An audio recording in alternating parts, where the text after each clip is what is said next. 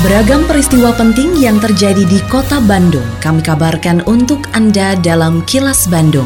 Diproduksi oleh LPS PR SSNI Bandung bekerja sama dengan Humas Pemkot Bandung yang disiarkan serentak oleh 40 radio anggota PR SSNI Bandung. Sejumlah informasi aktual kami hadirkan untuk Anda dan inilah informasi utamanya. Presiden ingatkan pemerintah daerah untuk ketatkan protokol kesehatan. Wali Kota minta Basnas Kota Bandung kembangkan kepercayaan.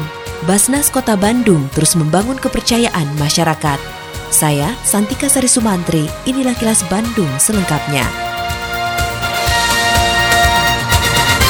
Presiden Joko Widodo mengingatkan pemerintah daerah untuk menjalankan protokol kesehatan secara ketat, terutama di masa lebaran tahun ini. Hal tersebut diungkapkan Presiden dalam rapat koordinasi nasional dengan para kepala daerah seluruh Indonesia yang berlangsung secara virtual. Usai rakor Wali Kota Bandung Oded M. Daniel mengatakan dalam rakor tersebut Presiden sampai mengulang beberapa kali mengenai pengetatan protokol kesehatan dan larangan mudik. Namun pada intinya Presiden ingin memastikan aturan mengenai mudik lebaran serta protokol kesehatan di lingkungan masyarakat saat perayaan Idul Fitri diterapkan di daerah termasuk di Kota Bandung. Menurut Oded, Presiden juga memberikan pesan penting kepada masyarakat agar memperhatikan setiap aturan yang telah ditetapkan pemerintah daerah masing-masing terkait aturan mudik lebaran. Hal ini agar Hari Raya Besar Keagamaan Idul Fitri tidak menjadi klaster baru peningkatan angka kasus pasien COVID-19. Pak Presiden Jokowi mengingatkan agar memperketat terutama urusan prokes. Berapa kali dia mengatakan prokes harus diperketat gitu ya. Adapun urusan mudik tadi ya memang itu juga sudah diperketat oleh kita. Jadi nampaknya Pak Presiden memberikan pesan-pesan penting kepada rakyat Indonesia, semua warga masyarakat Indonesia ya. Intinya memperhatikan jangan sampai dari momentum Idul Fitri ini bisa menambah meningkatnya COVID aja. Badan Amil Zakat Nasional atau Basnas Kota Bandung meluncurkan gerakan Cinta Zakat, Infak, dan Sodakoh sebagai upaya mengoptimalkan pengumpulan zakat di Kota Bandung. Wali Kota Bandung Oded M. Daniel berharap gerakan Cinta Zakat, Infak, dan Sodakoh dapat meningkatkan kesadaran dan masyarakat untuk mencintai zakat infak dan sedekah. Selain itu, masyarakat juga menyalurkannya ke lembaga amil zakat yang amanah seperti Basnas Kota Bandung. Saat meresmikan gerakan Cinta Zakat, Infak, dan Sodakoh pada Kamis kemarin, Odin meminta kepada Basnas Kota Bandung untuk berkoordinasi dan berkolaborasi dengan organisasi perangkat daerah dalam pendataan mustahik yang ada di Kota Bandung sehingga penyalurannya tepat sasaran. Selain itu, Basnas Kota Bandung juga diharapkan bisa berinovasi menghadirkan berbagai program yang dapat menjadi pelengkap bagi visi misi Kota Bandung. Mudah-mudahan apabila zakat masa dakwah ini semakin apa namanya semakin kuat, semakin besar perayaannya dan yang dikelola semakin besar juga mudah-mudahan ini bisa membantu untuk meringankan beban masyarakat yang kurang mampu. Nanti mereka pasti pasti itu harus berkolaborasi ya koordinasi dengan uh, dinas-dinas terkait khususnya dengan Dinsos misalnya ya yang punya data tentang mustahik. Terkait dengan berita sebelumnya.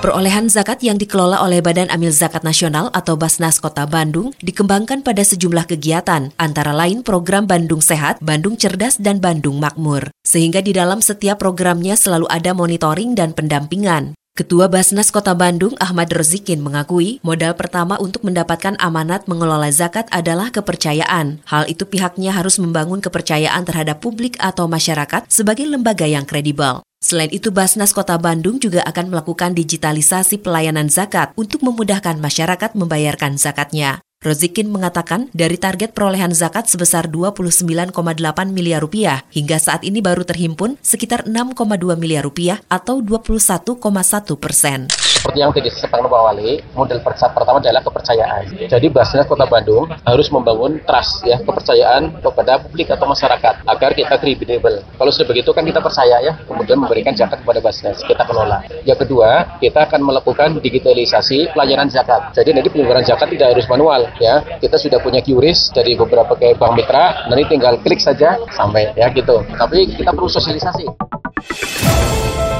Assalamualaikum warahmatullahi wabarakatuh. Sampurasun, warga Kota Bandung yang saya hormati dan saya cintai. Saya Tono Rusdiantono, Kepala Dinas Sosial Kota Bandung menghimbau kepada seluruh warga Kota Bandung, para wisatawan dan para pengguna jalan untuk tidak memberikan uang atau sedekah kepada pemerlu pelayanan sejahteraan sosial atau PPKS. Di antaranya anak jalanan, gelandangan dan pengemis karena mengganggu ketertiban umum dan kelancaran arus lalu lintas. Selain itu, saya juga meminta kepada seluruh warga kota Bandung untuk tidak menggalang dana atau meminta sumbangan di tengah jalan dengan dalih apa pun, terlebih kegiatan itu tanpa mengantongi izin resmi dari Dinas Sosial Kota Bandung. Apabila Anda menemukan adanya PPKS maupun penggalangan dana, diminta partisipasinya untuk melaporkan hal tersebut kepada Dinas Sosial Kota Bandung. Salurkan donasi Anda hanya melalui lembaga resmi. Wassalamualaikum warahmatullahi wabarakatuh.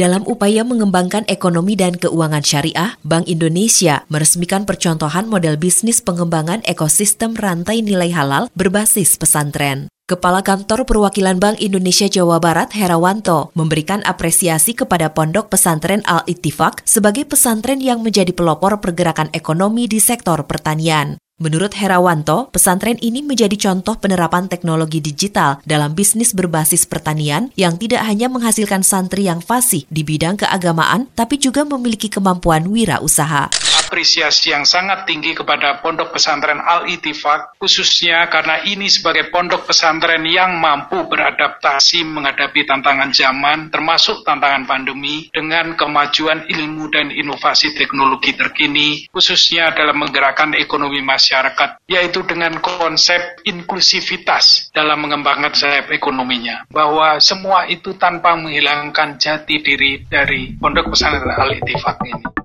terkait dengan berita sebelumnya.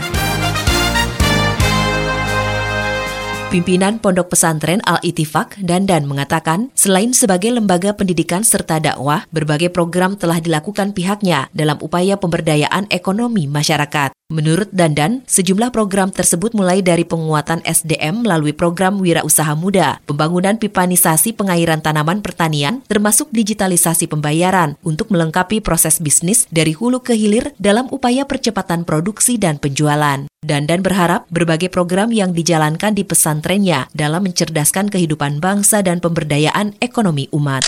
Perubahan budaya yang semakin pesat sama sekali tidak akan bisa menserabut pesantren dari akal kutularnya sebagai lembaga tafakuh bidin, lembaga dakwah, dan lembaga keagamaan yang melakukan rekayasa sosial, terutama mengenai ide pemberdayaan ekonomi umat dalam bidang pertanian yang menempatkan pesantren sebagai sentranya. Tentunya hal ini merupakan upaya nyata untuk membantu mewujudkan dan meningkatkan nilai dan peran serta pondok pesantren dalam mencerdaskan kehidupan bangsa memberdayakan ekonomi umat. Kini, audio podcast siaran Kilas Bandung dan berbagai informasi menarik lainnya bisa Anda akses di laman kilasbandungnews.com.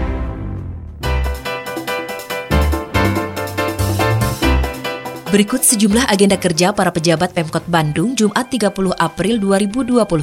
Wali Kota, Wakil Wali Kota, dan Sekretaris Daerah menghadiri rapat paripurna DPRD Kota Bandung dengan agenda penyampaian Raperda Kota Bandung tentang kawasan tanpa rokok dan Raperda Kota Bandung tentang fasilitasi pencegahan dan pemberantasan penyalahgunaan dan peredaran gelap narkotika dan prekursor narkotika. Selain agenda kerja para pejabat Pemkot Bandung, informasi dari Humas Kota Bandung, yaitu Wakil Wali Kota Bandung Yana Mulyana, berharap tim sepak bola Kota Bandung dapat meraih medali emas pada Pekan Olahraga Daerah atau Porda tahun 2022 mendatang. Apalagi para pemain dinilai memiliki performa yang sudah baik, tapi masih perlu meningkatkan mental dan kerja sama tim. Selain itu, Yana juga mengingatkan agar tim sepak bola Porda Kota Bandung tetap menjaga protokol kesehatan karena pandemi COVID-19 yang masih belum selesai. Demikian agenda kerja para pejabat Pemkot Bandung dan info aktual yang diterima redaksi LPSPR SSNI Bandung dari Humas Pemkot Bandung.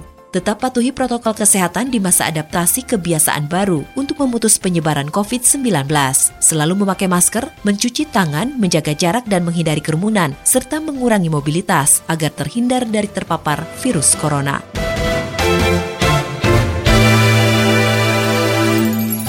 Terima kasih Anda telah menyimak Kilas Bandung bekerja sama dengan Humas Pemerintah Kota Bandung yang diproduksi oleh LPSPR SSNI Bandung.